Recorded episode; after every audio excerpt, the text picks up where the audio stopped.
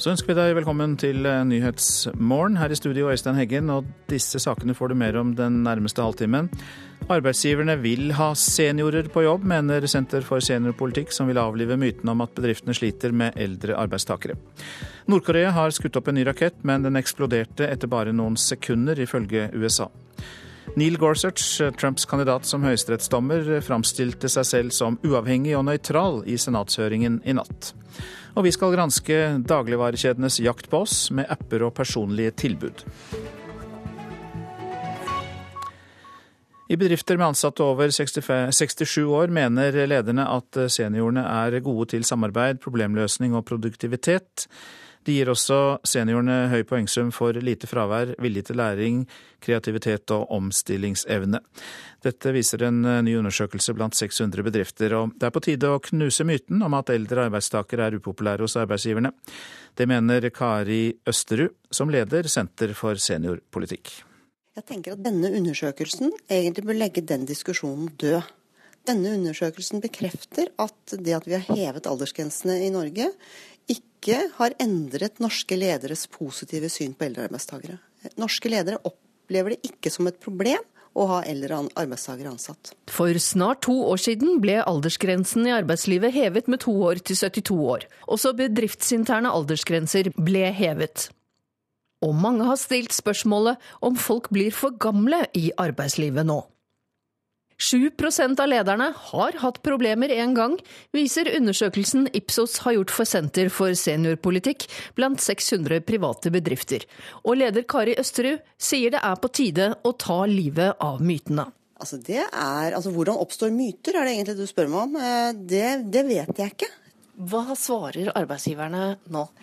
De svarer at eh, de ikke opplever det som et problem eh, at aldersgrensene har blitt hevet, og at de har eh, eldre arbeidstakere ansatt, og at de kommer til å bli eldre i fremtiden. De opplever ikke at de har måttet slite med eldre arbeidstakere som ikke fungerer.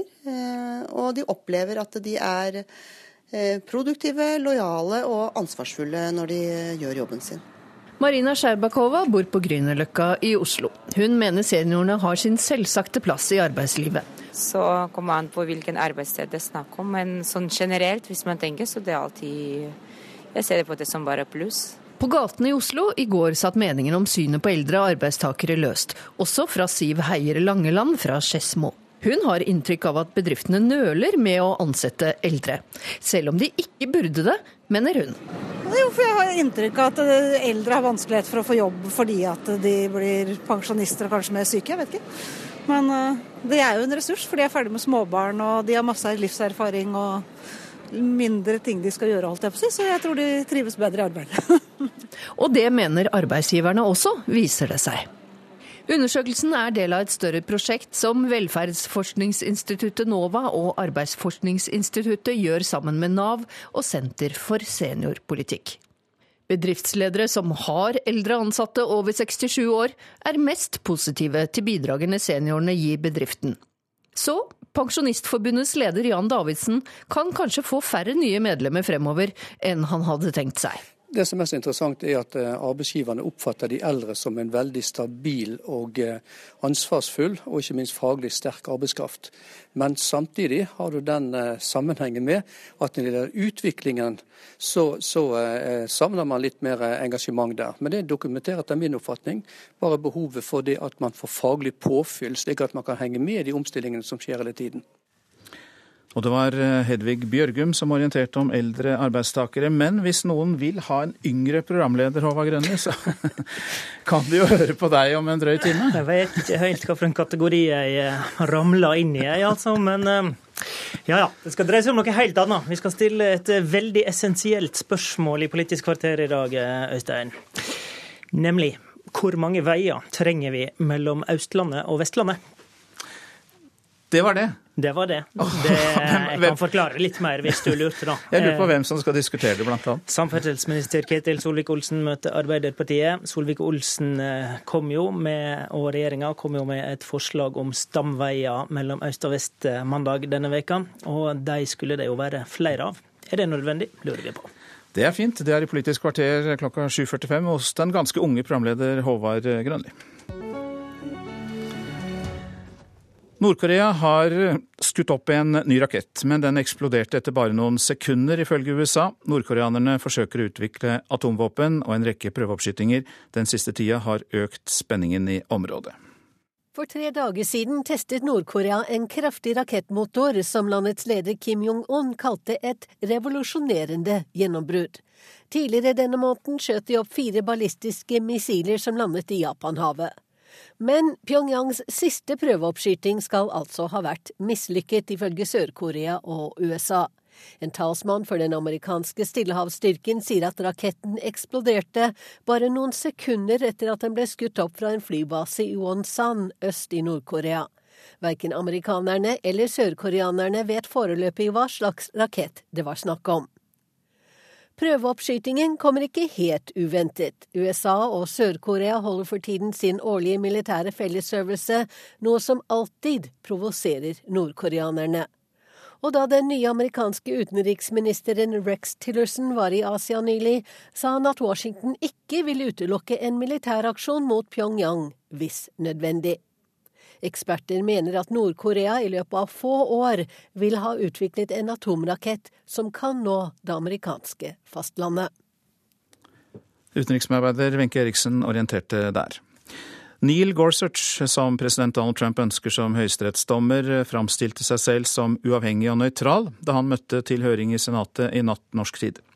Gorsuch kommenterte president Trumps angrep på Seattle-dommeren, som stoppet det første innreiseforbudet. I'm not asking for any crocodile tears or anything like that. I'm just saying I know these people and I know how decent they are. And when anyone criticizes the honesty or integrity, the motives of a federal judge, well, I find that disheartening. I find that demoralizing because I know the truth. Jeg kjenner disse folkene og vet hvor hederlige de er, og når noen kritiserer ærligheten og integriteten til en føderal dommer, så synes jeg det er nedslående og demoraliserende, sa Gorsuch. Det handler ikke om å være enig eller uenig, det handler om å følge loven, sa han. Senator, I've gone as far as I can go ethically. I can't talk about specific cases, and I can't get involved in politics. Respectfully, I believe I've gone as far as I'm able to go. Og vi legger til at eh, Gorsuch også sa at verken personlige meninger eller politiske synspunkter skal påvirke tolkningen av loven, og at han ikke ville hatt problemer med å dømme noen som helst, heller ikke Donald Trump, hvis loven skulle kreve det. Reporter her var Harald Berre. Nå om matbutikkenes kamp om oss kunder. Med Æ får du alltid 10 lavere pris på det du handler mest. Nå lanserer vi fordelsprogrammet Kiwi pluss. Like sharing economy. Like cooperation? Of course! Coop! Ooh, that's a catchy name. Rette topps i både AppStore og Google Play. Som gir deg 7,5 bonus. Impossible. No one ever thought of this before.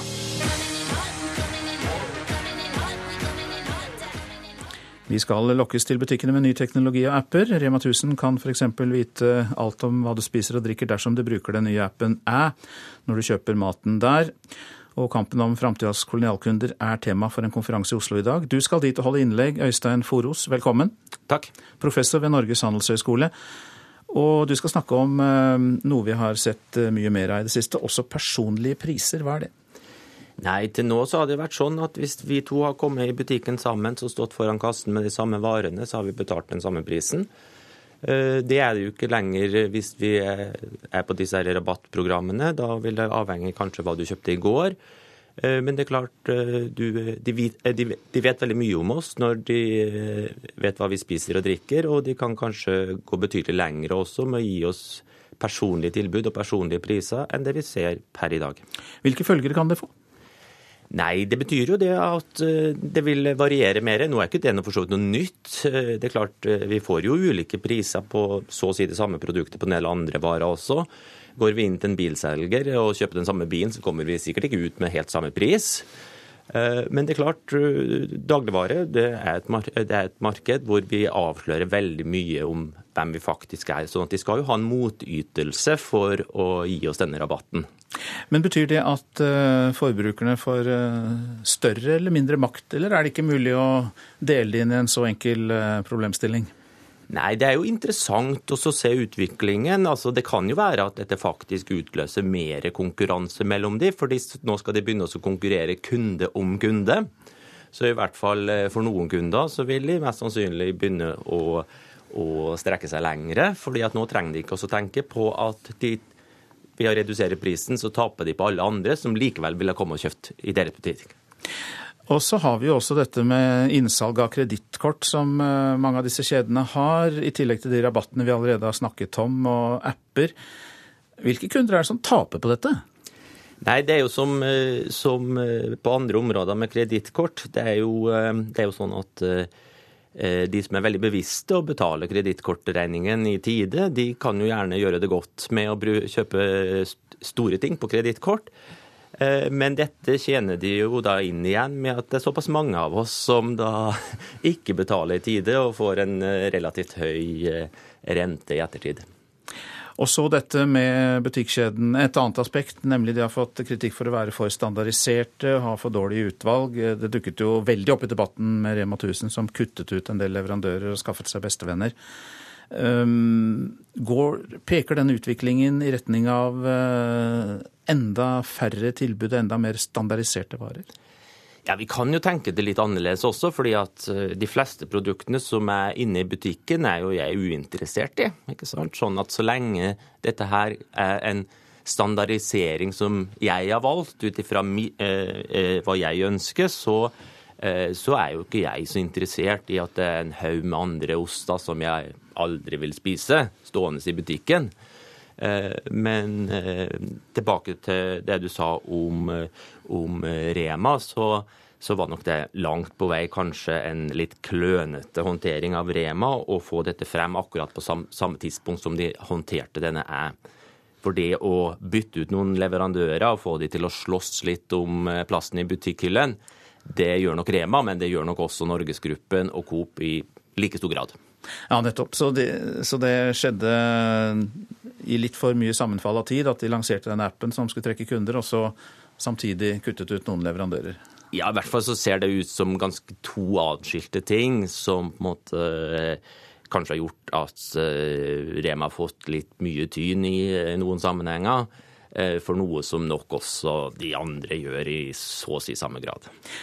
Takk for at du orienterte oss, Øystein Foros, professor ved Norges handelshøyskole, og skal altså delta på denne store konferansen om dagligvarekjedene i dag. Og jeg skal si litt om avisene. Boligprisene kommer fortsatt til å stige, viser prognosen fra Samfunnsøkonomisk analyse gjengitt i Dagens Næringsliv. Selv om markedet vil roe seg og prisveksten skal ned, er det likevel ventet en prisvekst i Oslo på 33% fram til 2020. Fire tyrkiske offiserer og en militærattaché har fått asyl i Norge, skriver Klassekampen. De hoppet av etter kuppforsøket i fjor. Det er omstridt at Norge innvilger asyl til flyktninger fra et land vi er alliert med i Nato, skriver avisa. Et sted i Midt-Norge sitter en tyrkisk familie som er livredd for å bli oppsporet av myndighetene i hjemlandet, skriver Adresseavisen. De er tilhengere av predikanten Fethullah Gülen, men det er risikabelt å sympatisere med motstandere av, sitte, av det sittende regimet, og nå frykter familien at tyrkiske agenter skal finne dem. Prostituerte i Bergen forteller om et stadig mer brutalt marked, kan Bergens Tidende fortelle. Kirkens Bymisjon har snakket med 350 sexarbeidere i byen, og det er mange russiske og polsktalende kvinner og noen afrikanske innimellom. De fortjener at vi følger dem opp, sier Kristin Norvik i Kirkens Bymisjon. Oksana Kobletskaja og hennes femlinger pryder Aftenpostens forside. Hun har blitt hedret med gratis leilighet og bil, for Ukraina ønsker flere barn. Befolkningen flere steder i Europa minker. Verst er det i Øst- og Sør-Europa, med Ukraina, Romania og Bulgaria på bunnen i antall barnefødsler. Norge er på pilletoppen, får vi vite i Dagbladet. Det gjelder eh, særlig piller mot kolesterol, høyt blodtrykk og allergier og ekspertene de strides om den type forebyggende medisin er bra eller ikke. Reddet av svigersønnen er oppslaget i VG om tidligere statssekretær for Arbeiderpartiet Jan Erik Larsen. Han fikk blodpropp i begge lungene, men kan takke svigersønnen Christian Mykleseth for at han straks fikk legehjelp, for selv forsto han ikke hva som skjedde. Søker støtte for å løse doproblem, er oppslaget i Nasjonen. 100 000 personer er ventet til den særegne fjellformasjonen Trolltunga i Odda kommune i Hordaland denne sommeren. Men så er det ingen toaletter langs den krevende turstien. Nå søker kommunen staten om penger for å utvikle høyfjellsdo. Troen på laget er tilbake, sier landslagsspiller i fotball Stefan Johansen etter to dager med møter og trening. Han er glad for at Norges nye og svenske trener Lars Lagerbäck gir tydelige beskjeder. Han prater, prater, som en måte sånn at det er enkelt å forstå for oss. og det er såpass klart og tydelig at det ikke noe, burde ikke være noe tvil. Og om det er noe tvil, så, så er han alltid åpen for en fråga, som han sier. Johansen er åpenbart tilfreds med Lagerbäcks første to dager med landslaget. Svensken sjøl forteller at spillerne er lydige og medgjørlige for hans ideer.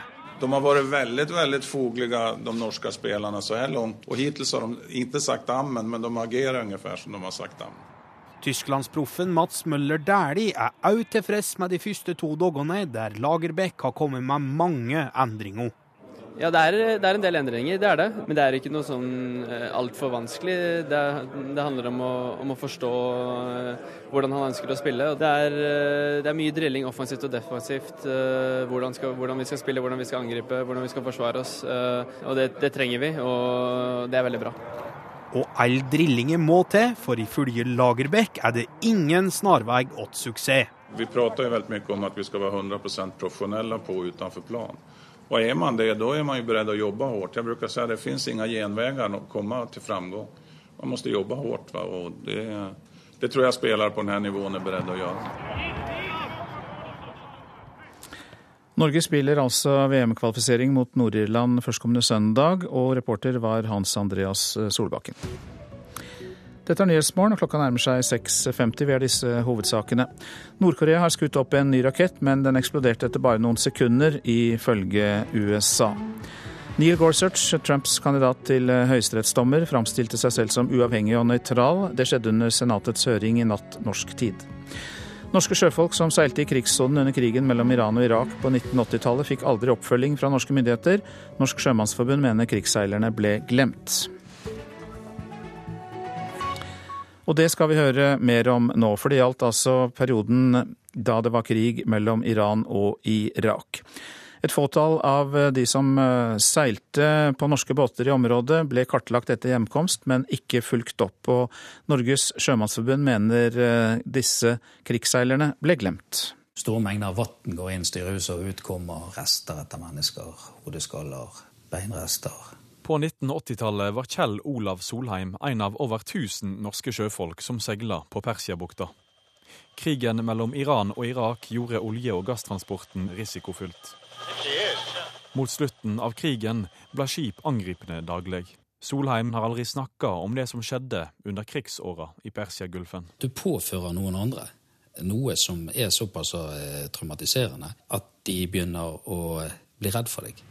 Flere sjøfolk NRK har snakka med, sier mange tidligere kollegaer valgte å ta sitt eget liv. Noen drakk seg full, noen skrek i dagevis, fikk ikke sove. Direktoratet for sjømenn kartla helsa til et tilfeldig utvalg sjøfolk som hadde seila i Gulfen. Én av fem hadde tegn på posttraumatisk stress. Nåværende tillitsvalgt Geir Bremseth i Norges sjømannsforbund ble plassert i risikogruppa. Og Da ville de ha meg til Oslo for videre utredning. Men Bremseth hadde ikke råd til å reise til Oslo for oppfølging. Da var du din egen herre. Det var null hjelp å få i det hele tatt. Sjøfartsdirektør Olav Akselsen tror norske sjøfolk ikke visste hva de gikk til. I dag mangler styresmaktene en oversikt over hvordan det gikk med sjøfolka som seila i Persiabukta. Det vet vi ikke nok om i dag. Ellers så tror jeg ikke det har vært noen sånn samla brei verken kartlegging eller oppfølging av disse personene. Det er sikkert mange som har dukka under. Mange kunne ha fått hjelp. Reportere Mikael Olsen Lerøen og Even Norheim Johansen. I Valdres fengsel prøver de å skreddersy tilbud til hver enkelt av de 25 innsatte. Målet er at de skal få en meningsfull soning og lettere kan få et liv uten lovbrudd etter fengselsdommen.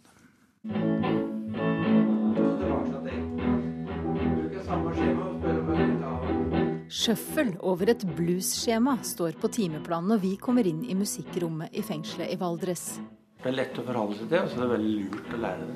Simen Motrøen er en av to lærere som spiller sammen med en av de innsatte. Mannen bak tangentene soner en dom på flere måneder, og har ønska seg musikk og kjøkkentjeneste under fengselsoppholdet. Det kommer litt an på hva slags instrument jeg har lyst til å fordype seg litt i. Noen har lyst til å spille gitar, noen vil spille keyboard, noen vil faktisk lære seg å programmere. Også 25 andre innsatte har så langt det er mulig fått oppfylt ønskene sine, sier avdelingsleder Lene Hansen. Hovedmålet er å få en tilbakeføring. Det er, det, er, det er, tilbakeføring tilbake til samfunnet, og at de skal ha noe å gjøre som ikke er kriminalitet. Da. Fylle tiden med positive ting som kanskje gir dem et kriminalitetsfritt liv i framtiden. Det er målet. Tilbakeføring. Ja, dette har jo alt å bety. Kommunelege Jens Mørk i Søndre Land jobber tett på innsatte som kommer ut. Hver kjenner på at hvis du får litt bekreftelse på at noe av det du står for, noe av det du gjør, faktisk er ålreit, kan glede andre, få litt, sånn, litt god selvfølelse på det, så jeg tror det er helt grunnleggende for at man i det hele tatt skal kunne klare å kanskje la være å ta uheldige valg seinere. Det viser seg at en meningsfull soning gir mindre tilbakefall. Statistikk fra mars viser at tilbakefallsprosenten nå er under 50% og den har gått jevnt nedover siden tidlig på 2000-tallet. Forskere på kriminalomsorg sier studier fra mange land viser det samme. Arbeid, skole og aktivitet i fengslene hjelper.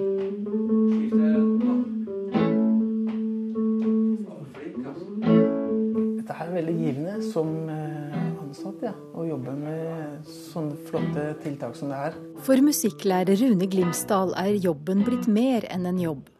Han har hjulpet flere av de innsatte også etter fengselsoppholdet, og sett at oppfølginga hjelper. Så det er å legge til rette for at det går an å gjøre ting. Selv om det ser litt håpløst ut, selv om livet er litt vanskelig, så går det an å ha håpet og tro at det går an å gjøre, gjøre noe. Reporter i Valdres eh, fengsel var eh, Jorunn Wang. I åtte år har Thomas Spence ledet journalistenes fagforening NJ. I dag har han sin siste dag i den jobben. Det har vært eh, åtte år i en bransje som er rammet av både nedbemanning og store omstillinger, sier Spence. Høydepunkt når det gjelder medlemmer, økonomi og på en måte optimisme i bransjen, utbytte, fremtidstro, det var jo eh, rundt 2008. Jeg begynte 2009. Siden har det vært nedoverbakke. Og ingen kunne ane at det skulle vare så lenge og gå så bratt. Og vi er fremdeles muligens ikke i bunn, men heldigvis ser vi nå tegn til, til lysning.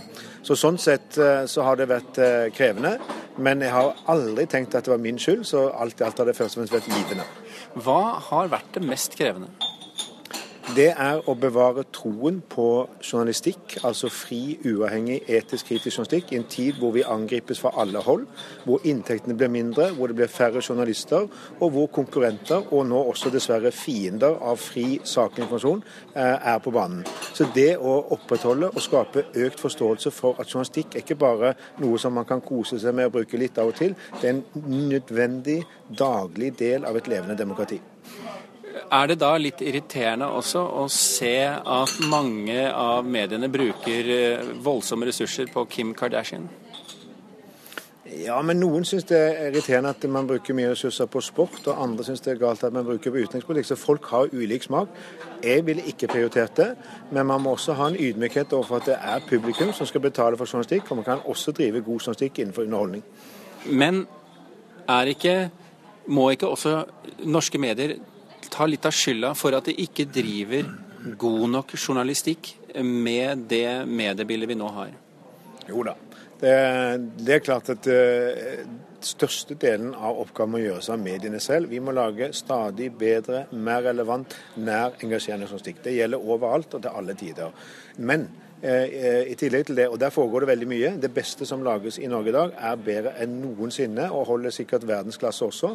Men i dag er det for mye som enten er litt kjedelig, har litt for få kilder, bærer litt preg av at man må bare få det ut. Og det er litt for mange sektorer som nå ikke dekkes jevnlig, kontinuerlig, og som nå kommer i det vi kaller blindsoner. Og det er et skremmende tegn at nå stadig flere rådmenn, politikere, næringsliv også, savner hvor blir det av journalistene? Hvorfor kommer de ikke på møtene? Hvorfor blir ikke vår virksomhet enten det er offentlig eller privat, dekket. Det er et tegn på at mediene har, om ikke forvitret, så har de skrumpet litt inn.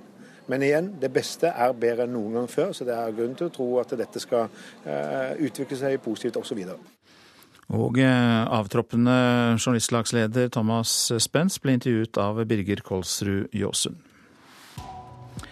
Så til værvarselet. Østafjells mye sol, men fortsatt byger i Vest-Agder og kanskje noen ettermiddagsbyger nord i Oppland og Hedmark. Sørvestlig liten kuling på kysten, minkende til bris. Fjell i Sør-Norge vestlig liten kuling, som også minker til bris. Snøbyger i de vestlige og nordlige områdene. Vestlandet sør for Stad minkende nordvestlig vind. Fortsatt regn og sluddbyger i ytre strøk, lettere i indre strøk og sør for Bergen. Møre og Romsdal, Trøndelag og Nordland ser vi samlet, og det blir stiv kuling fra vest eller nordvest. Fra utpå dagen perioder med sterk kuling nord for Trondheimsfjorden, sludd og snøbyger. Troms og Finnmark frisk bris fra sørøst, litt snø i indre strøk, ellers opphold og en del sol. Spitsbergen nordøstlig bris, østlig kuling nær Sørkapp, litt snø på østkysten. Det blir eh, ikke så kaldt på Spitsbergen, eh, men eh, kaldere i Nord-Norge og uendret temperatur i Sør-Norge. Og temperaturene konkret fra klokka fire. Svalbard lufthavn minus tolv, Kirkenes minus fem, Vardø og Alta null. Tromsø-Langnes én grad, Bodø tre, Brønnøysund og Trondheim pluss to. Molde null, Bergen-Flesland én, Stavanger og Kristiansand tre. Gardermoen minus én, Lillehammer minus fire, Røros minus 13 og Oslo-Blindern pluss én.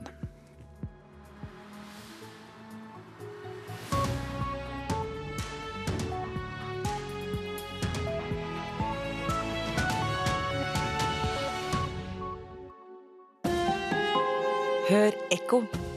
Noen barn lærer ikke å snakke, selv om de tilsynelatende er helt som deg og meg.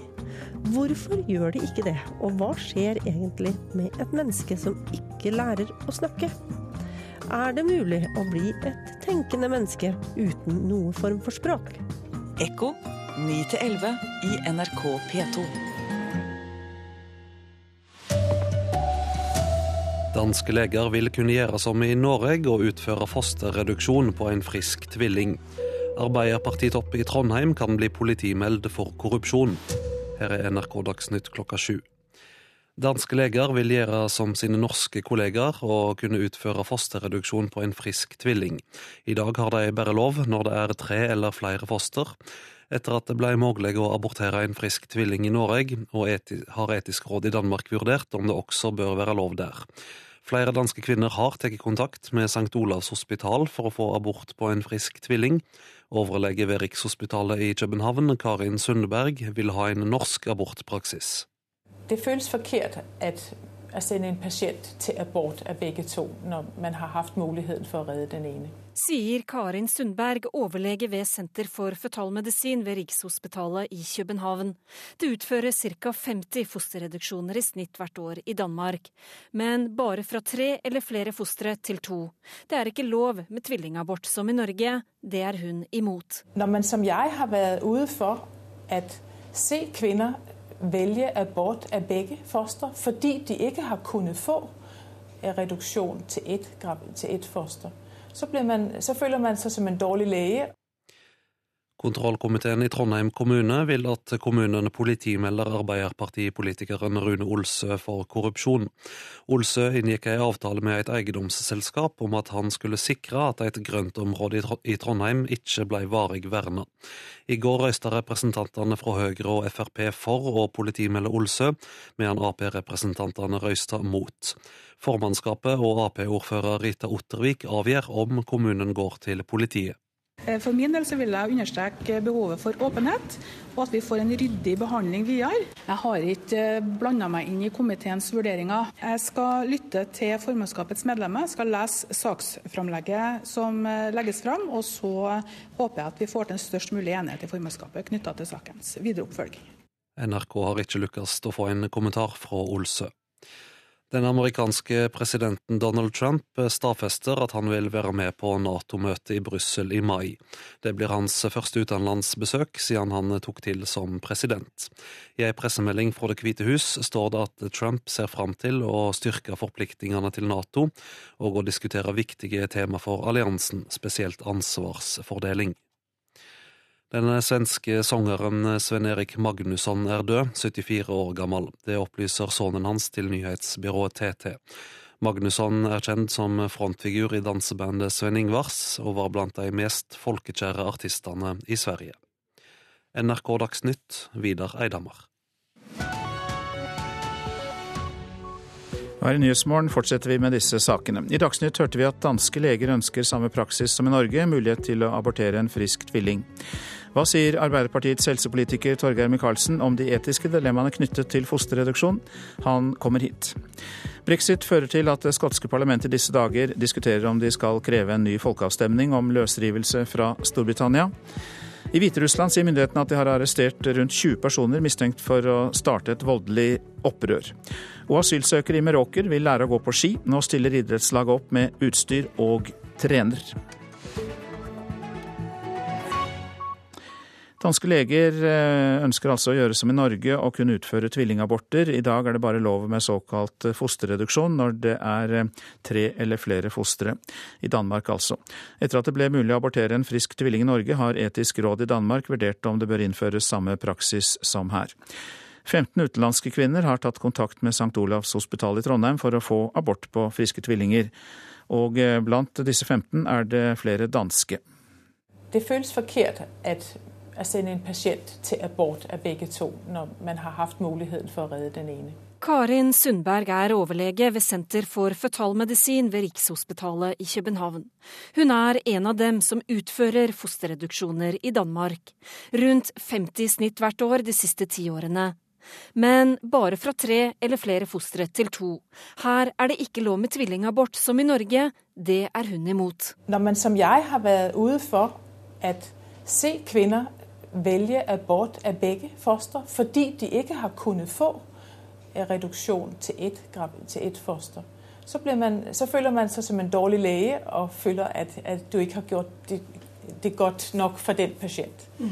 Og Derfor syns jeg at det i visse sjeldne, veldig få tilfeller vil det være ok å kunne tilby det. Vi er i et undersøkelsesrom. En ultralydmaskin står ved siden av benken. Det er på denne avdelingen hun undersøker kvinner som skal få utført fosterreduksjon. Da Lovavdelingen i Justisdepartementet i fjor tolket abortloven at det var mulig å fjerne en frisk tvilling innenfor selvbestemt abort, har 15 utenlandske kvinner tatt kontakt med St. Olavs hospital. Flere av dem er danske kvinner og har snakket med Sundberg. Jamen, de forteller at de kan lese på nettet at det er tillatt i Norge.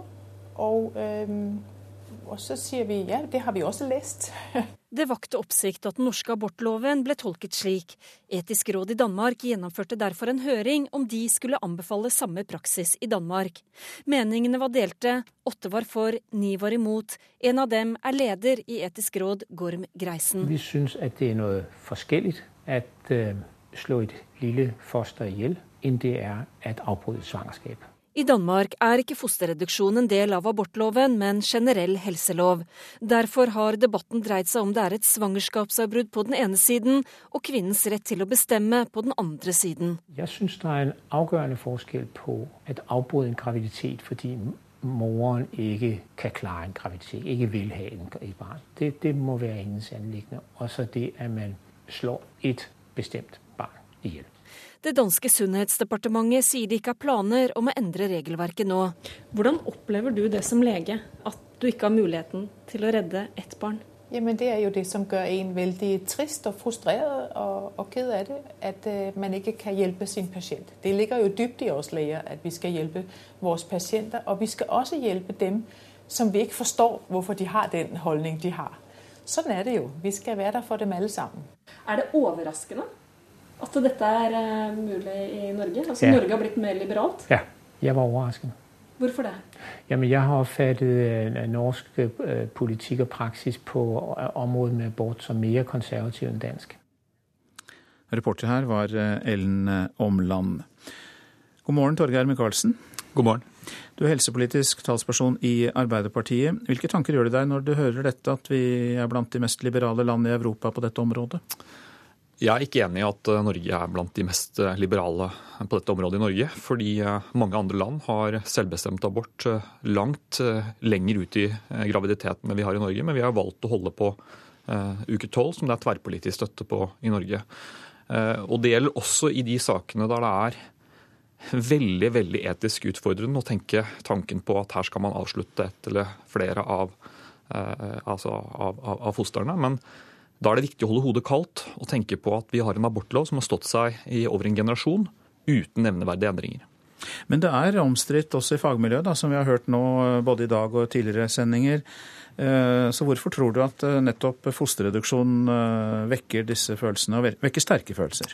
Altså Første gang jeg hørte om dette, jeg er far til selv til tre barn, og tenkte at dette er en altså, utålelig tanke. Altså Jeg ville aldri, tror jeg, og mitt, min kone funnet på i det hele tatt å tenke tanken.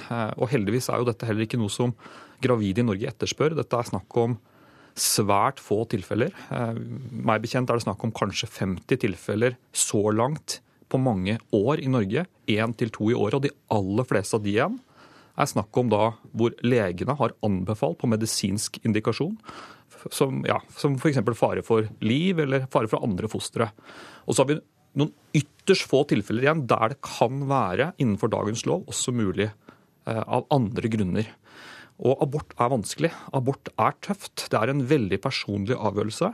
Og Derfor mener jeg det er viktig å holde hodet kaldt, være prinsippfast og tenke at hvis det er lov i Norge, helt uten noen form for begrunnelse, å ta abort basert på eget valg fram til uke tolv for alle fostrene i magen, så er også den etiske eh, begrunnelsen for at man kan velge annerledes eh, med å bære fram ett eller flere av fostrene, også til stede. Og Det har jo også Høyre- og Frp-regjeringen kommet fram til. For du hadde muligheten til å gjøre noe med det. Du sitter i helse- og omsorgskomiteen på Stortinget, og i fjor så bestemte dere at eh, loven ikke skulle endres eh, slik eh, Senterpartiet og KrF foreslo.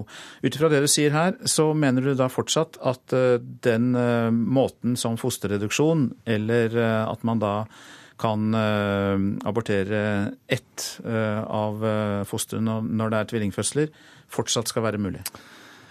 Jeg mener at vi ikke skal endre dagens lov, og da eh, følger det av det resonnementet at, eh, at, det bør eh, være en mulighet i, ja, i, svært, svært få tilfeller. Og igjen, jeg er ikke kjent med at det er blitt abortert en frisk tvilling i Norge. Disse kvinnene som er fra utlandet, som henvender seg til norske sykehus, er heller ikke meg bekjent noen av de fått tillatelse til å gjøre det i Norge, fordi det er mulig å si nei til utenlandske kvinner. Man må eventuelt da gjøre det på egen regning, og det er det ingen som har fått utført. Men jeg forstår at mange syns dette er vanskelig. Jeg syns det er vanskelig. Stortinget syns det er vanskelig. Men når man gjør opp måte, de etiske betraktningene rundt dette i en situasjon hvor vi har valgt at det er kvinnen, og kvinnen alene, som skal få ta denne vanskelige avveiningen eh, helt fram til uke tolv, så må vi også stå i det når prinsippene blir vanskelige. Takk skal du ha, Torgeir Micaelsen, helsepolitisk talsperson i Arbeiderpartiet. Nato tilpasser seg USAs utenriksminister Rex Tillerson og vil forsøke å flytte sitt neste utenriksministermøte. Det sier generalsekretær Jens Stoltenberg til NRK. I går ble det kjent at Tillerson ikke kan komme på det planlagte møtet i Brussel i april. USAs utenriksminister mener nemlig at det er viktigere å være til stede da Kinas president møter president Trump her i USA for første gang. Det skjer samtidig med det planlagte Nato-møtet 5.-6. april. Men når Rex Tillerson i tillegg har planlagt et besøk i Russland i april, vekker det litt reaksjoner i europeiske Nato-land. Det er ikke vanlig at en amerikansk utenriksminister møter sin russiske kollega før han møter kollegene i Natos råd i Brussel. Det vil Natos generalsekretær forsøke å gjøre noe med da han møter Tillerson seinere i dag. En av de forslagene som har kommet på bordet, er å finne en annen dato for utenriksministermøtet. Så det er den type ting som noen ganger skjer, at det blir problemer med eh, datoer som eh, opprinnelig er avtalt. Men det betyr vel også at det er viktig for Nato at han er til stede? Det er viktig for Nato og viktig for eh, USA. USA har en veldig sterk forpliktelse til Nato. Det har vært understreket tydelig fra forsvarsministeren i mine møter med han i dag. Det er jeg sikker på at president Trump kommer til å gi klart uttrykk for når jeg møter han om et par uker, par uker her i Washington. Og møtet mellom president Trump og Stoltenberg finner sted 12. april. 25. mai vil Trump så delta på Natos toppmøte, som bl.a. skal handle om kampen mot terror.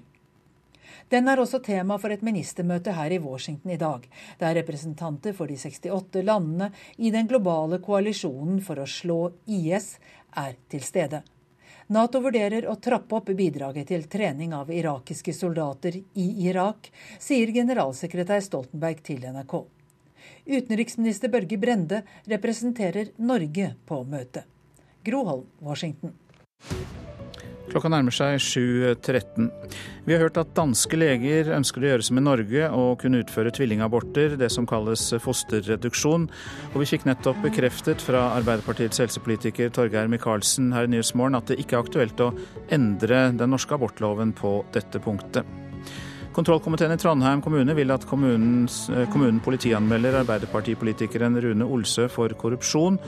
Olsø inngikk en avtale med et eiendomsselskap om at han skulle sikre at et område i Trondheim ikke skulle bli varig vernet. Nord-Korea har skutt opp en ny rakett, men den eksploderte etter bare noen sekunder, ifølge USA. Nordkoreanerne forsøker å utvikle atomvåpen, og flere prøveoppskytninger har økt spenningen i området i det siste. Nå om at eh, myndighetene i Hviterussland eh, har arrestert rundt 20 personer som de mistenker eh, ville starte et voldelig opprør mot myndighetene i landet. Det har de siste månedene vært mange demonstrasjoner mot styret til president Aleksandr Lukasjenko. Og Korrespondent Morten Jentoft i Moskva, har meldingen om disse arrestasjonene som kom i går, sammenheng med denne misnøyen med Lukasjenko? Det er i alle fall det som de fleste observatører tror det har. Eh, Lukasjenko han går altså ut og sier det at eh, man har avslørt eh, forsøk da på å forberede provokasjoner, som han sier da, mot myndighetene i Hviterussland. han sier at det altså dreier seg om rundt 20 personer som har fått trening i nabolandene Polen og Litauen. Eh, nei, eh, de har fått penger via Polen og Litauen og eh, har trening i Ukraina. Og det er da folk som Lukasjenko da mener da kan undergrave situasjonen i Hviterussland. Det er ikke den vanlige opposisjonen, sier han da, med henvisning da til de demonstrasjonene som har vært den siste tiden mot Aleksandr Lukasjenko. Disse demonstrasjonene har jo overrasket mange.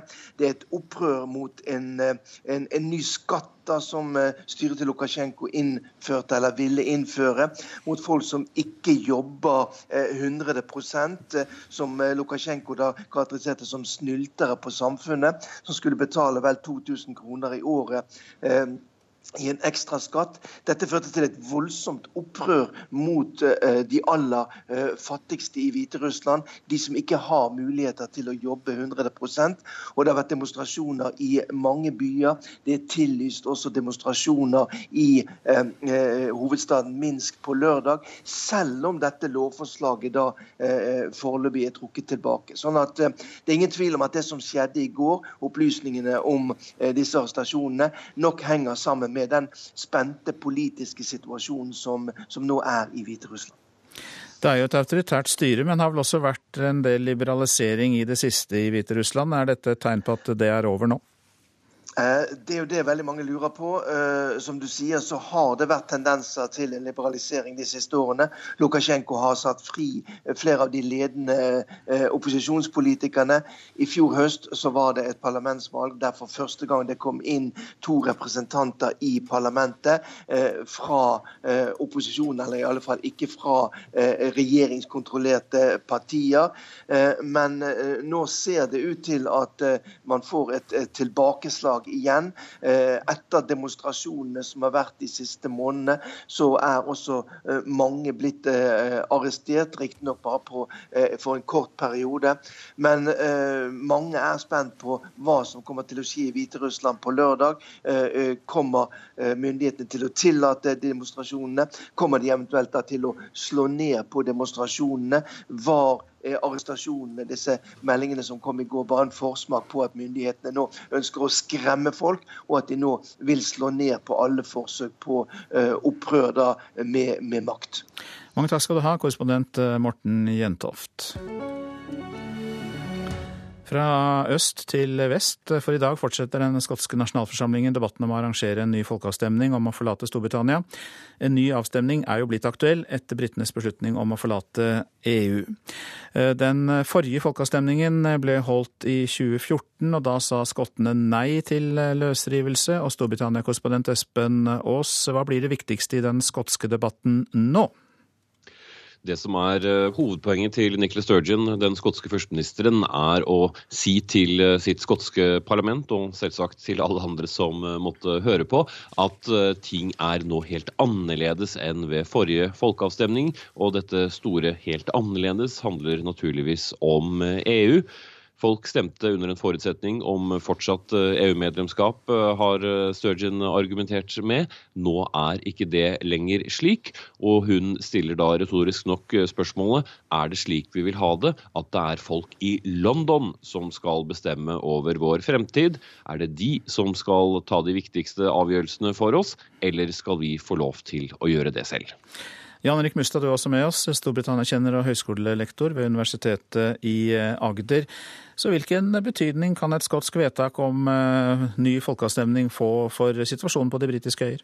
Nei, det kan jo få det utfallet som eh, kanskje mange har spådd, at vi vil få en oppløsning av den britiske unionen. Eh, dette har vi sett eh, gjennom flere parlamentsvalg nå, spesielt i 2010-2015, at det har vært en ytterligere polarisering. At de fire nasjonene i unionen mer stemmer eh, hjemme, for å kalle det det, og at de er mer opptatt av eh, identiteter og interesser i sin egen nasjon enn de er for Storbritannia som helhet. Så det skotske parlamentet bruker den samme retorikken som de alltid har brukt mot London, for å si at ikke de ønsker å underlegge seg bestemmelser som blir tatt i London. Det må det skotske folk selv avgjøre.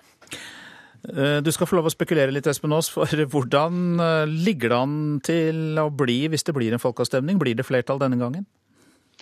Først og fremst så må det jo bli et flertall i eh, det skotske parlamentet for å be London om å få lov til å avholde en ny folkeavstemning. Det blir det etter alle solemerker, selv om det skotske nasjonalistpartiet ikke har eh, flertall eh, i parlamentet slik de hadde i forrige periode, men de får støtte fra De grønne, slik at de får akkurat det flertallet de trenger. Hvis det da blir en ny folkeavstemning, så er jo det store spørsmålet om skottene egentlig vil ha det eller ikke. Den skotske konservative lederen har gjennom debatten så langt argumentert med at det ønsker ikke skottene. Det er ikke noe flertall per i dag for å eh, ha en ny folkeavstemning, men skottene er ikke enig i det. og I forrige uke traff jeg eh, Nicholas Sturgeons forgjenger, Alex Salmon, og et par andre fra det skotske nasjonalistpartiet.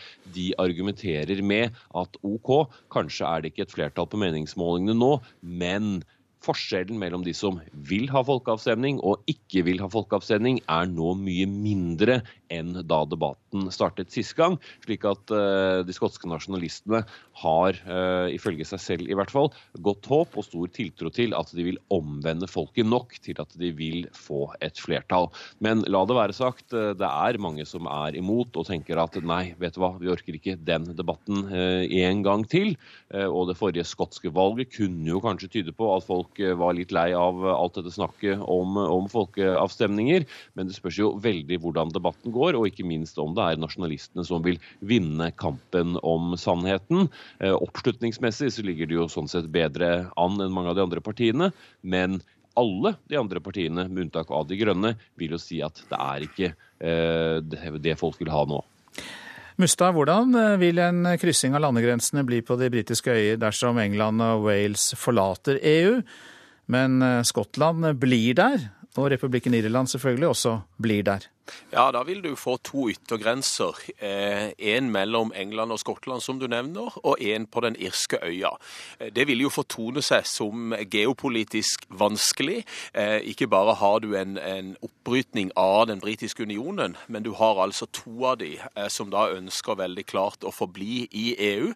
Nord-Irland kanskje på sikt som en del av republikken, og da allerede medlem av EU. Og eventuelt, hvis de får da en folkeavstemning med et flertall i Skottland, Skottland om løsrivelse fra den britiske unionen. Et Skottland som da vil søke medlemskap i EU. Så dette vil jo forkludre grenseproblematikken. Det vil forkludre forholdet innad på de britiske øyer. Eh, og det er jo ikke noe lysende fremtid i så måte en tenker hvordan, eh, hvordan man rent praktisk, politisk, handelsmessig osv. skal løse dette. Mustad, har eh, skillet, for ikke å si motsetningene mellom skotter og engelskmenn eh, økt i det siste? Ja, det vil jeg nok si. Eh, men det er jo ikke noe vi nylig har sett. Dette har vært en oppblomstring gjennom det 20. århundre. Vi så en intensivering av anti-London-holdninger i Skottland på 70-tallet spesielt. De hadde en folkeavstemning om internt selvstyre i 79. De klarte da å få denne folkeavstemningen om løsrivelse i 2014, som det var referert til. Og så ønsker de nå denne eh, nye folkeavstemningen og be London om å få lov til å avholde det. Problemet for SMP er at de kan ikke bare umiddelbart overføre de 62% som stemte for å forbli i EU, til en like stor margin som ønsker å løsrive seg fra Storbritannia. For selv om premissene er endra for skottene etter brexit-avstemningen, ja, så er det ikke sikkert at det er 62% av skottene som ønsker seg ut av den britiske unionen. For da er spørsmålet annerledes og lojaliteten annerledes. Det ligger an til eh, kabaler og kalamiteter i årene fremover på de britiske øyer. Hjertelig takk for at dere ble med meg. Jan Erik Mustad, Storbritannia-kjenner, høyskolelektor ved Universitetet i Agder, og vår eh, korrespondent i London, Espen Aas. Så til det avisen er opptatt av her hjemme. Boligprisene kommer fortsatt til å stige, viser prognosen fra Samfunnsøkonomisk analyse gjengitt i Dagens Næringsliv. Men markedet vil roe seg, og prisveksten skal ned. Så er det likevel ventet da, at det blir en prisvekst i Oslo på 33% fram til 2020. Fire tyrkiske offiserer og en militærattaché har fått asyl i Norge, skriver Klassekampen. De hoppet av etter kuppforsøket i fjor. Det er omstridt at Norge innvilger asyl til flyktninger fra et land vi er alliert med i Nato, skriver avisa. Et sted i Midt-Norge sitter en tyrkisk familie som er livredd for å bli oppsporet av myndighetene i hjemlandet, skriver Adresseavisen. De er tilhengere av predikanten Fetullah Gülen, men det er risikabelt å sympatisere med motstandere av det sittende regimet. Prostituerte i Bergen forteller om et stadig mer brutalt marked, kan Bergens Tidende fortelle. Kirkens Bymisjon har snakket med 350 sexarbeidere i byen, og det er mange med russisk- og polsktalende kvinner, og noen afrikanske innimellom, og de fortjener at vi følger dem opp, sier Kristin Norvik i Kirkens Bymisjon. Oksana Kobletskaja og hennes femlinger pryder Aftenpostens forside i dag. Hun har blitt hedret med gratis leilighet og bil, for Ukraina ønsker flere barn. Befolkningen flere steder i Europa minker. Verst er det i Øst- og Sør-Europa, med Ukraina, Romania og Bulgaria på bunnen i antall barnefødsler. Norge er på pilletoppen, får vi vite i Dagbladet. Det gjelder særlig piller mot kolesterol, høyt blodtrykk og allergier. Men ekspertene de strides om den type forebyggende medisiner er bra eller ikke. Reddet av svigersønnen, det er oppslaget i VG om tidligere statssekretær for Arbeiderpartiet Jan Erik Larsen. Han fikk blodpropp i begge lungene, men kan takke svigersønnen Christian Mykleseth for at han straks fikk legehjelp. For eh, Larsen forsto ikke selv eh, hva som skjedde.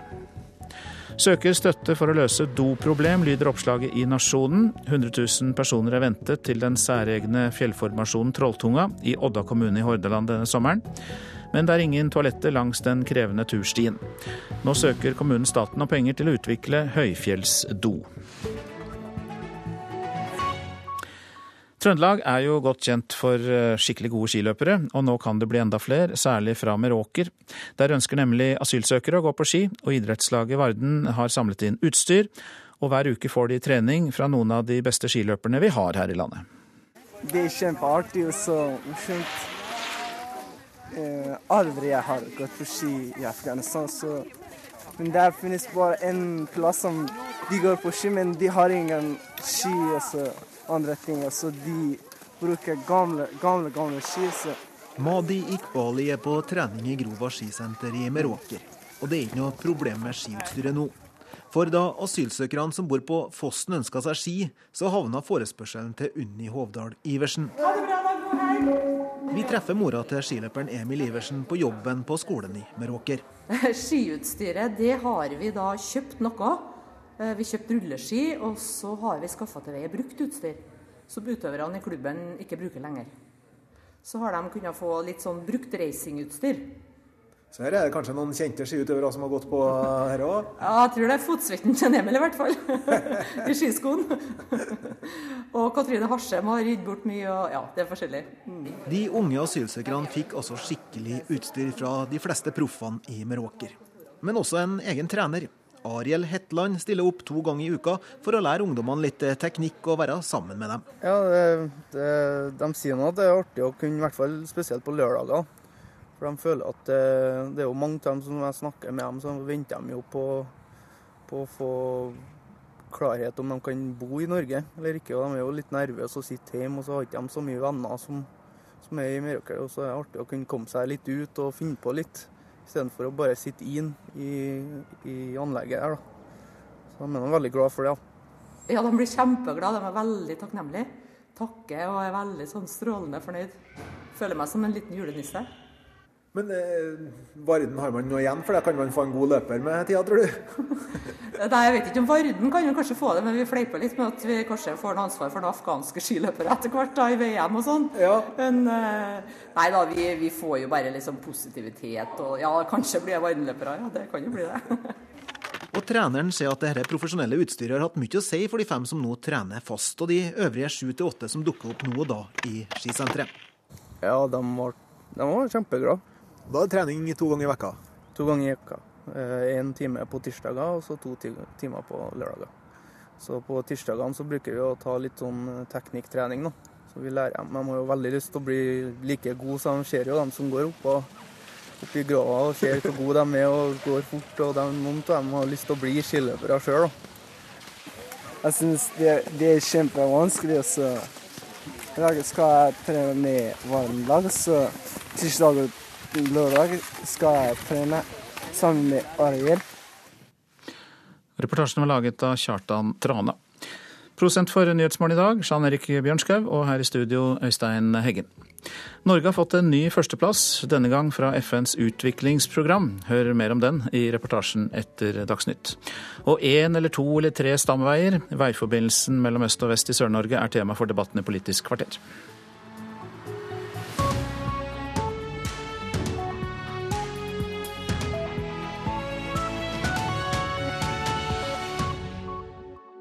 Spillerom i dag. Armstrong var i munter rutet skjorte uten slips og hadde en blå strikkevest under den tynne gabardinfrakken. Ja, dette var et nyhetsklipp fra da Louis Armstrong spilte i Oslo i 1959. Han holdt òg en konsert i samme by, 26 år tidligere. Og det er den legendariske konserten fra 1933 som nå skal gjenskapes, låt for låt. Hva tjener jazzen på en sånn mimrebonanza som det? Fra 11 til 12, spillerom på NRK P2. Danske leger ønsker seg en norsk abortordning der de får utføre fosterreduksjon på en frisk tvilling. Norske sjøfolk som seila i krigssona mellom Irak og Iran, fikk aldri oppfølging fra norske styresmakter. Og sjefer er positive til ansatte over 67 år, syner ei undersøking. Her er NRK Dagsnytt klokka 7.30. Danske leger vil gjøre som sine norske kolleger og kunne utføre fosterreduksjon på en frisk tvilling. I dag har de bare lov når det er tre eller flere foster. Etter at det ble mulig å abortere en frisk tvilling i Norge, har Etisk råd i Danmark vurdert om det også bør være lov der. Flere danske kvinner har tatt kontakt med St. Olavs hospital for å få abort på en frisk tvilling. Det føles forkert at å sende en pasient til abort av begge to, når man har hatt muligheten for å redde den ene. Sier Karin Sundberg, overlege ved Senter for føtalmedisin ved Rikshospitalet i København. Det utføres ca. 50 fosterreduksjoner i snitt hvert år i Danmark, men bare fra tre eller flere fostre til to. Det er ikke lov med tvillingabort som i Norge, det er hun imot. Når man som jeg har vært ute for å se kvinner velge abort av begge foster fordi de ikke har kunnet få reduksjon til ett, til foster. Så, man, så, føler man seg som en dårlig lege. 15 utenlandske kvinner har tatt kontakt med St. Olavs hospital etter at det ble mulig i Norge. Flere av dem danske kvinner. Etisk råd i Danmark har vurdert om det bør innføres i Danmark. Åtte var for, ni var imot. En av dem er leder i Etisk råd, Gorm Greisen. Vi syns at det er noe forskjellig at uh, slå et lille foster i hjel enn det er at avbryte svangerskap. I Danmark er ikke fosterreduksjon en del av abortloven, men generell helselov. Jeg syns det er en avgjørende forskjell på å avbryte en graviditet fordi moren ikke kan klare en graviditet, ikke vil ha et barn. Det, det må være hennes anliggende. Og så det at man slår et bestemt barn i hjel. Det danske sunnhetsdepartementet sier det ikke er planer om å endre regelverket nå. Hvordan opplever du det som lege, at du ikke har muligheten til å redde ett barn? Jamen, Det er jo det som gjør en veldig trist og frustrert og, og ked av det. At uh, man ikke kan hjelpe sin pasient. Reporter Ellen Omland. Norge er ikke mer liberal enn andre land, trass i at det er strengere i Danmark. Det mener helsepolitisk talsperson i Arbeiderpartiet, Torgeir Micaelsen. Han mener den norske lova bør være som i dag.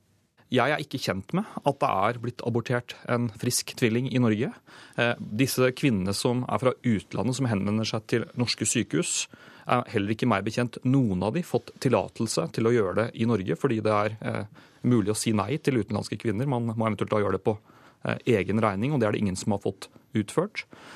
Men jeg forstår at mange syns dette er vanskelig. Jeg syns det er vanskelig. Stortinget syns det er vanskelig.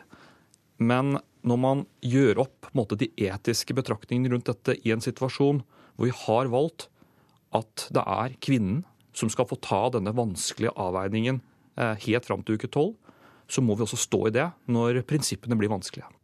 Torgeir Micaelsen i Arbeiderpartiet. Norske sjøfolk som seila i krigssona under krigen mellom Iran og Irak på 1980-tallet, fikk aldri oppfølging fra norske styresmakter.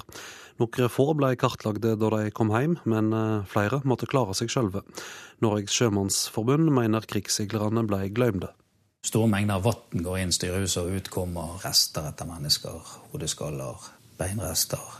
På 1980-tallet var Kjell Olav Solheim en av over 1000 norske sjøfolk som seila på Persiabukta. Krigen mellom Iran og Irak gjorde olje- og gasstransporten risikofylt. Mot slutten av krigen ble skip angripende daglig. Solheim har aldri snakka om det som skjedde under krigsåra i Persiagulfen. Du påfører noen andre noe som er såpass eh, traumatiserende at de begynner å eh, bli redd for deg. Flere sjøfolk NRK har snakka med, sier mange tidligere kollegaer valgte å ta sitt eget liv. Noen drakk seg full, noen skreik i dagevis, fikk ikke sove. Direktoratet for sjømenn kartla helsa til et tilfeldig utvalg sjøfolk som hadde seila i Gulfen. Én av fem hadde tegn på posttraumatisk stress.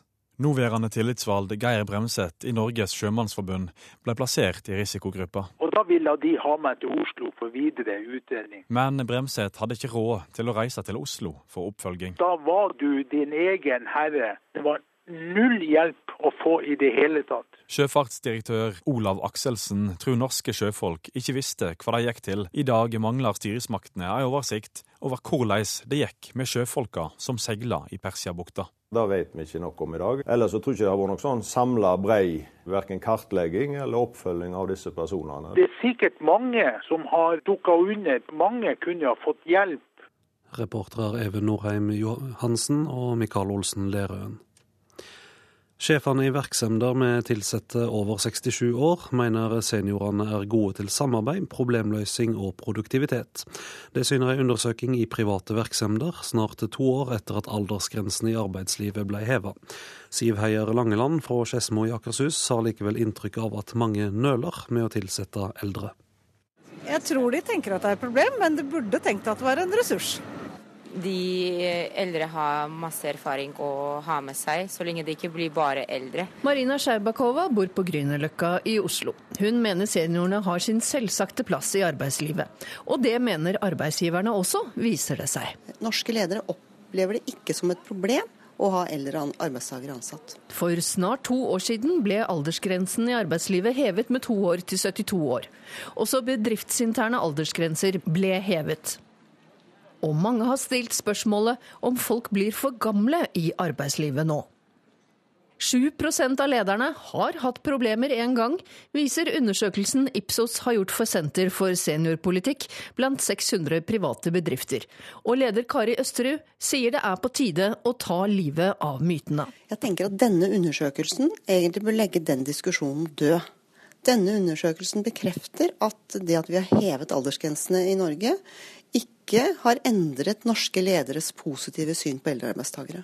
Bedriftsledere som har eldre ansatte over 67 år, er mest positive til bidragene seniorene gir bedriften. Så Pensjonistforbundets leder Jan Davidsen kan kanskje få færre nye medlemmer fremover enn han hadde tenkt seg. Det som er så interessant, er at eh, arbeidsgiverne oppfatter de eldre som en veldig stabil og eh, ansvarsfull, og ikke minst faglig sterk arbeidskraft. Reporter Hedvig Bjørgum. Nato prøver å få flytta utenriksministermøtet for å få med seg den amerikanske utenriksministeren Rex Tillerson. Det sier Nato-sjef Jens Stoltenberg. I går ble det kjent at Tillerson ikke kan komme på det planlagde møtet i Brussel i april. USAs utenriksminister mener nemlig at det er viktigere å være til stede da Kinas president møter president Trump her i USA for første gang. Det skjer samtidig med det planlagte Nato-møtet 5.-6. april. Men når Rex Tillerson i tillegg har planlagt et besøk i Russland i april, vekker det litt reaksjoner i europeiske Nato-land. Det er ikke vanlig at en amerikansk utenriksminister møter sin russiske kollega før han møter kollegene i Natos råd i Brussel. Det vil Natos generalsekretær forsøke å gjøre noe med da han møter Tillerson seinere i dag. En av de forslagene som har kommet på bordet, er å finne en annen dato for utenriksministermøtet. Så det er den type ting som noen ganger skjer, at det blir problemer med eh, datoer som eh, opprinnelig er avtalt. Men det betyr vel også at det er viktig for Nato at han er til stede? Det er viktig for Nato og viktig for eh, USA. Jens Stoltenberg til korrespondent Gro Holm. Og den amerikanske presidenten Donald Trump stadfester at han vil være med på Nato-møtet i Brussel i mai. Det blir hans første utenlandsbesøk siden han tok til som president. I en pressemelding fra Det hvite hus står det at Trump ser fram til å styrke forpliktingene til Nato, og diskutere viktige tema for alliansen. Tennisspiller Kasper Ruud er klar for første runde av turneringen av Miami Open, som starter i dag. Flere av de største stjernene er på plass i Miami, og turneringen er en milepæl for Ruud. Jeg kan vel ikke akkurat si at jeg forventer å vinne den turneringen her, men eh, jeg skal selvfølgelig prøve å bite fra meg og gjøre det beste jeg kan. Kasper Ruud møter Yen Son Lo fra Taipei i første runde. En spiller som er nummer 64 på verdensrankingen. Lo har vært en del av topp 100 i verden de siste ni årene, men har ikke vist god form så langt i år. En lett oppgave blir det uansett ikke for den norske 18-åringen. Som man sier på godt norsk, så er ballen rund, og, og, ting kan skje selvfølgelig. Det har skjedd større ting før enn at jeg skal f.eks. vinne en kamp her. Så jeg skal selvfølgelig prøve mitt beste, men eh, ikke forvente at jeg skal gjøre noe sykt bra. Men det har vært gøy å vinne første runde i hvert fall. Miami Open er den største turneringen Ruud har deltatt i så langt i karrieren. Det sa reporter Hilde Liengen. Ansvarlig for den Dagsnytt-sendinga var Anne Skårseth. Her i studio Vidar Eidhammer.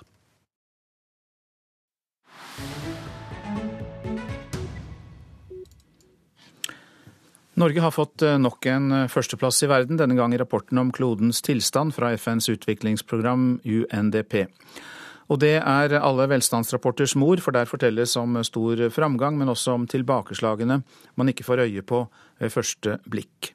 Utenriksreporter Tom Christiansen har sett på denne tykke rapporten. Noen tall er for store til å forstå. 2,6 milliarder flere mennesker har fått rent vann de siste 15 årene. Det er dobbelt så mange unger som rekker å bli fem år nå enn i 1990 og samtidig steg antallet kvinner i verdens nasjonalforsamlinger med 6% Det betyr at hver fjerde politiker i verden er kvinne. Og Norge er verdens beste land. Det er satsingen på utdanning som ga topplass.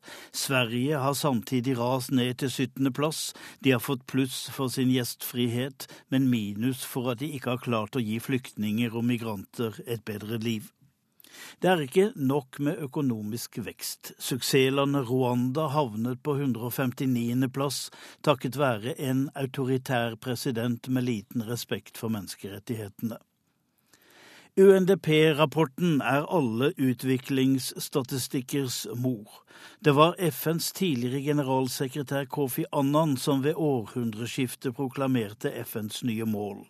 På 15 år skulle den ekstreme fattigdom halveres, spredningen av hiv og malaria skulle stanses, og alle jenter skulle få skolegang. Det var til å le av, Men det gjorde ingen i 2015, for målene ble nådd før fristen, og nå er nye mål satt. Innen 2030, og dette er ikke grov spøk eller skrivebordsteorier, innen 2030 skal alle former for fattigdom utryddes. Det skal bli slutt på sult, og det skal samtidig bli likestilling mellom kvinner og menn over hele verden. Tross framgangen er det grupper som likevel holdes nede og utenfor. Noen på grunn av etnisk tilhørighet. Romania troner blant verdens 50 beste land og kan skryte av a very high human development. Damene på norske gatehjørner, romkvinnene, har ikke sett mye til landet med svært god utvikling. Noen settes til side fordi de er jenter eller kvinner. I 18 land må kvinner spørre sin mann om å ta arbeid. I 32 land er det spesielle passregler for kvinner. Den afrikanske bonden er en kvinne, men bare 10% av dem eier jorda de dyrker. Noen forfølges fordi de er lesber eller homser eller på grunn av andre seksuelle feil. I 77 land er homoseksualitet forbudt. Ti land har dødsstraff for å elske noen av eget kjønn. Blant de skjøreste i verden er migranter og flyktninger. Aldri har verden hatt flere av dem. Her må hvert enkelt land se på utviklingen med nye øyne, sier UNDP. Likevel gikk Norge til topps tross Europas strengeste asylregime. Den moderne utvikling har nådd landsbygda og gjort det bedre. Bonden står bredbeint med langt, fargerikt skjørt og grove sko, hun har hakka i neven og mobiltelefonen i bh-en. Med den kan hun laste en app nede i hovedstaden og sjekke prisene på grønnsaker, så når oppkjøperne kommer, vet de at prisene er gått opp og de skal ha mer for varene. I Øst-Afrika vipser folk alt fra kinobilletter til husleie og strøm. Internasjonale FN-konferanser vedtar gjerne sine illusjoner om den lykkelige framtiden. Det kan man riste på hodet av, men de får rett. Livet er blitt bedre for stadig flere. Dette er hovedsaker i nyhetene. Danske leger vil ha de samme abortreglene som i Norge, slik at de kan utføre abort på en frisk tvilling. I dag har de bare lov til å utføre slik fosterreduksjon når det er tre eller flere fostre. Norske sjøfolk som seilte i krigssonen under krigen mellom Iran og Irak på 1980-tallet, fikk aldri oppfølging fra norske myndigheter. Norsk Sjømannsforbund mener krigsseilerne ble glemt. USAs president Donald Trump bekrefter at han kommer til Nato-toppmøtet i Brussel i mai. Det blir hans første utenlandsbesøk siden han tok over som president.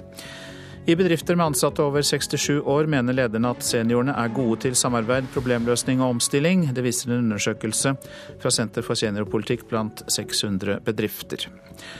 Og nå til Politisk kvarter, som i dag er ved Håvard Grønli.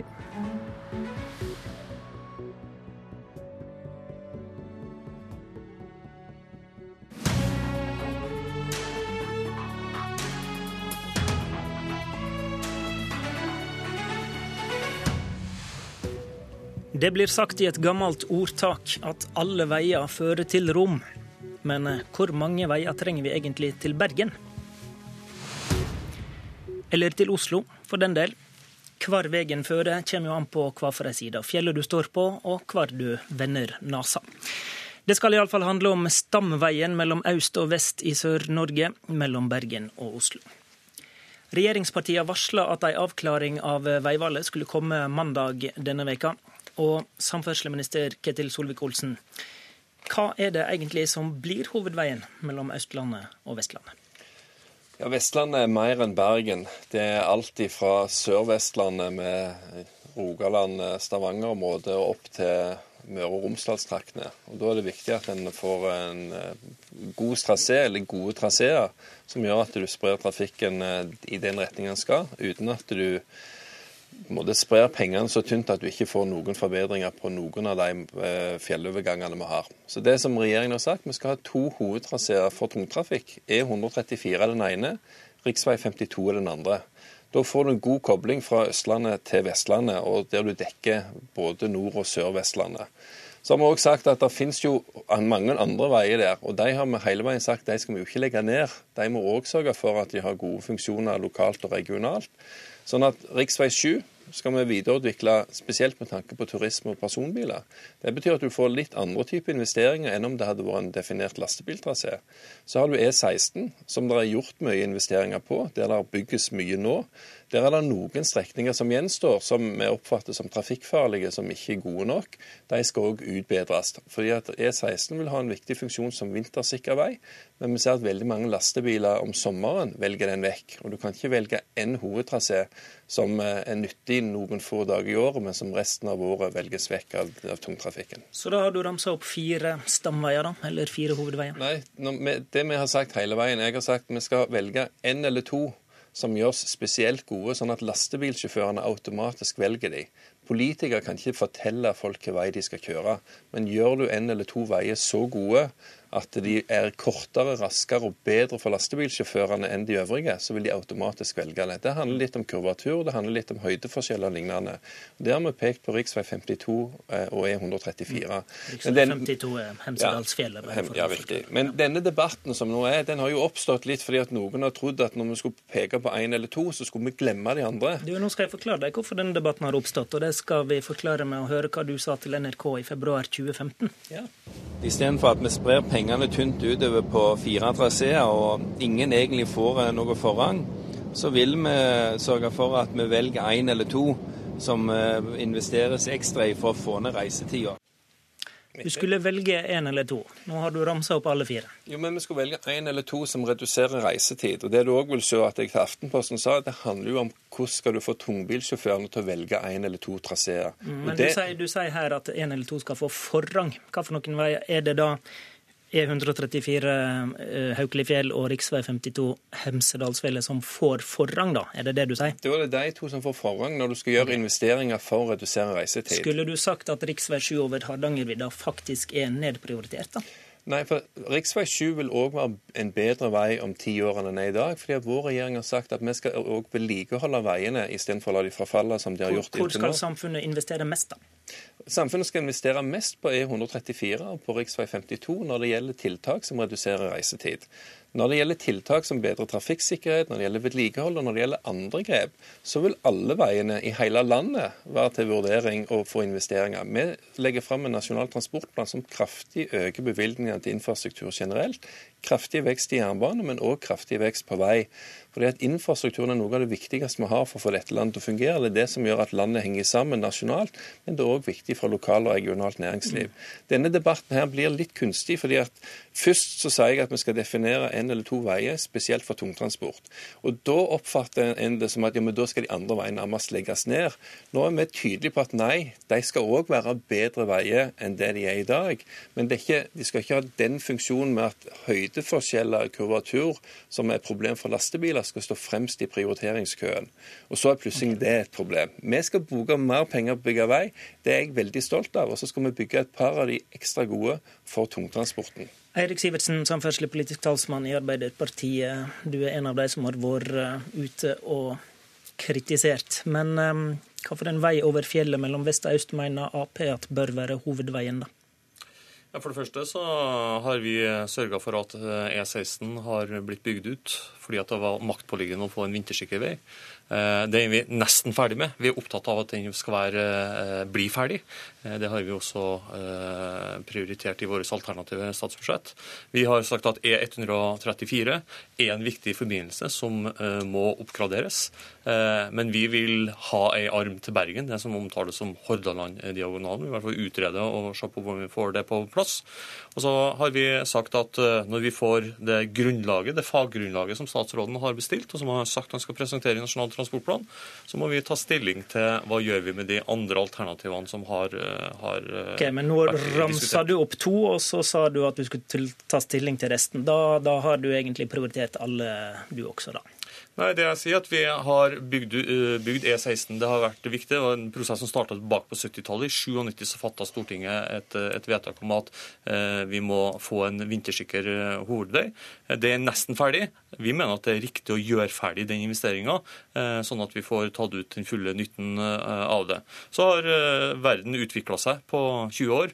Det er grunnlag for å se på om det er behov for flere hovedforbindelser over, over fjellet. Vi mener mener at E134 med arm til Bergen er en god løsning. Men hva er egentlig din kritikk av Solvik-Olsen her, da? Altså, min kritikk av Solvik-Olsen er at det er veldig uklart hva han forsøker å kommunisere. og De siste dagene så har det jo endra seg hva man har kommunisert.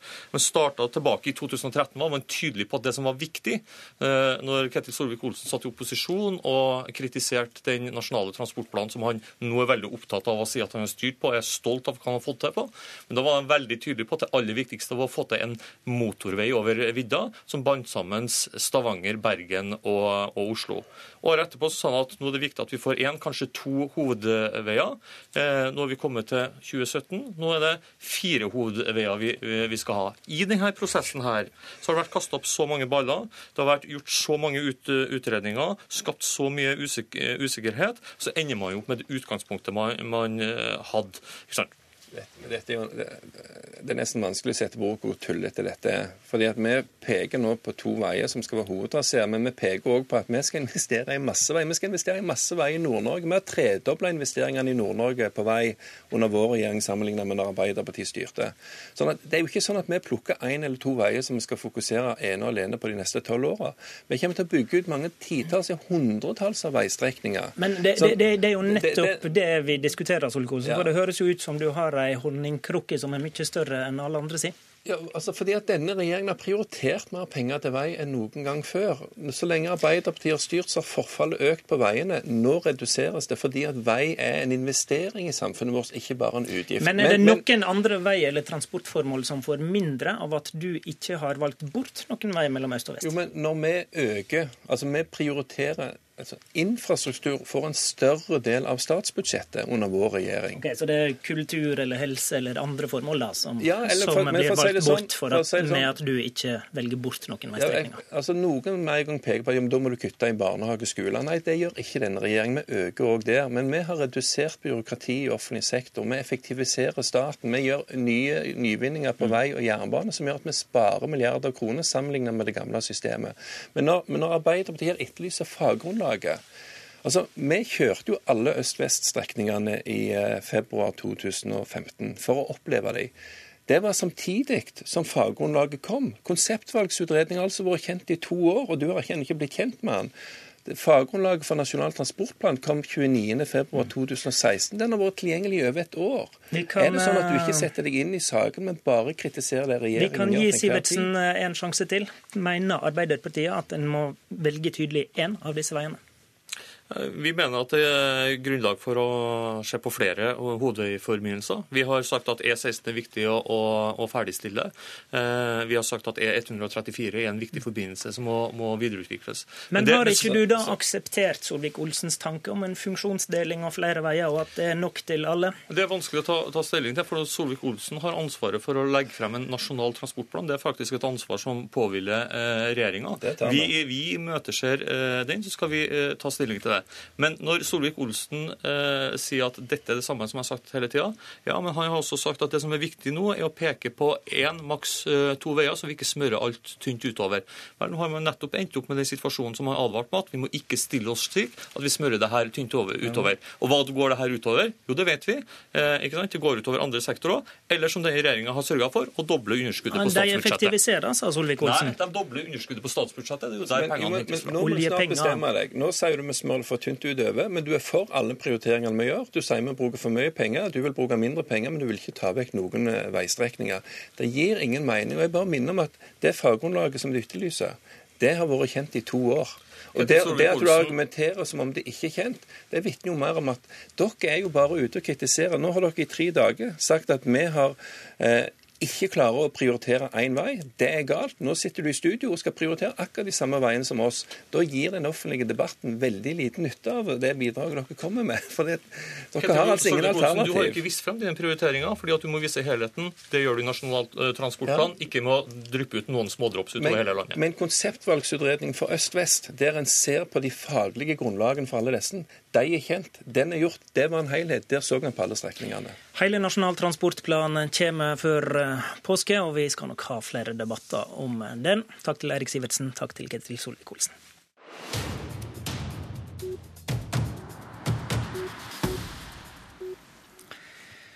Kan det tenkes at Arbeiderpartiet i Trondheim bestemmer seg for å politianmelde sin egen politikerkollega Rune Olsø? Jeg spør eh, deg om dette, politisk redaktør i Adresseavisa, Tone Sofie Aglen. Jeg tror det er stor uenighet innad i Arbeiderpartiet. For mange sitter nok svært langt inn og anmelder en kollega, men det er nok ikke usannsynlig at et flertall vil havne på at det er mest ryddig for eh, partiet sitt omdømme. Ok, det kan skje. Vi skal ta litt eh, bakgrunn for dette spørsmålet for lytterne våre. I går vedtok kontrollkomiteen i Trondheim kommune at de vil at kommunen skal melde den sentrale Ap-politikeren Rune Olsø til politiet. Flertallet i denne komiteen vil at politiet etterforsker om det har funnet sted korrupsjon. Olsø jobber i eh, eiendomsbransjen, og Adresseavisa har avslørt at firmaet hans inngikk en avtale med et eiendomsselskap om at Olsø som da også er bystyrerepresentant, skulle sikre at et grøntområde i Trondheim ikke ble varig verna, sånn at det altså kan bli nytta til boligformål i framtida. I går var denne saka altså i kontrollkomiteen, og det spørsmålet samtalen dreide seg om, er altså om dette kan være en korrupsjonssak og bør etterforskes. Og der røysta representantene fra Høyre og Frp for å politimelde Olsø, medan Ap-representantene røysta mot. Men det er formannskapet som avgjør til slutt. Er dette nå delt etter politiske skillelinjer, Aglen? Nei, nå har jo Arbeiderpartiet styrt Trondheim i 13 år, så det er jo ikke usannsynlig at opposisjonen ser en mulighet. Men jeg tror det store bildet er at det politiske Trondheim er rysta. Eh, jeg tror man er minst like opprørt blant Arbeiderpartiet sine samarbeidspartier, og også langt inn i Arbeiderpartiet. Og man er enig både om sakens alvor og om at den bør etterforskes. Men det kan virke som at mange i Arbeiderpartiet er mer bekvemme med at det er noen andre som aktivt går til en anmeldelse. Nå vil vel kanskje de aviser argumentere for at dere har funnet ut noe som det er rett å etterforske, men ser du også noen gode argument fra Arbeiderpartiets side for å ikke gjøre dette til en politisak? Eh, jeg opplever jo at Arbeiderpartiet sier at den bør etterforskes av politiet nettopp for å få alle fakta på bordet, men at de ikke ønsker å anmelde den sjøl. Eh, vi viser jo til det kommuneadvokaten skriver, at det er grunn til å frykte at korrupsjonsbestemmelsene i straffeloven kan være overtrådt. Og vi ser jo også at ordfører Rita Ottevik hun kalte jo en sånn avtale for noe svineri når den ble kjent. Hun har også uttalt til Adresseavisa i ettertid at uh, saken er langt mer alvorlig enn det hun har fått inntrykk av gjennom media. Mm. Så da er spørsmålet litt om det er viktig at kommunen tar et aktivt valg og melder til politiet, som var Høyre og Frp sine, sine mm, argument i går. Har dette argumentet gjenklang hos, hos Ap sine samarbeidspartnere i flertallskonstellasjonen? Ja, mitt inntrykk er at uh, de fleste mener at kommunen har et Eh, eget ansvar i en så alvorlig sak, som handler om tilliten til en meget sentral politiker og beslutningsprosessene. Så jeg tror nok at det er eh, krefter inn i Arbeiderpartiet som syns at det er veldig smertefullt, og kanskje også ser den signaleffekten i at Arbeiderpartiet anmelder sine egne. Men da må man ikke glemme at en eh, politianmeldelse er jo først og fremst for å få alle fakta på mm. bordet, og jeg vil jo tro Arbeiderpartiet også er tjent med det. Formannskapet avgjør det til slutt. Takk til deg, Tone Sofie Aglen. I studio, Håvard Grønli.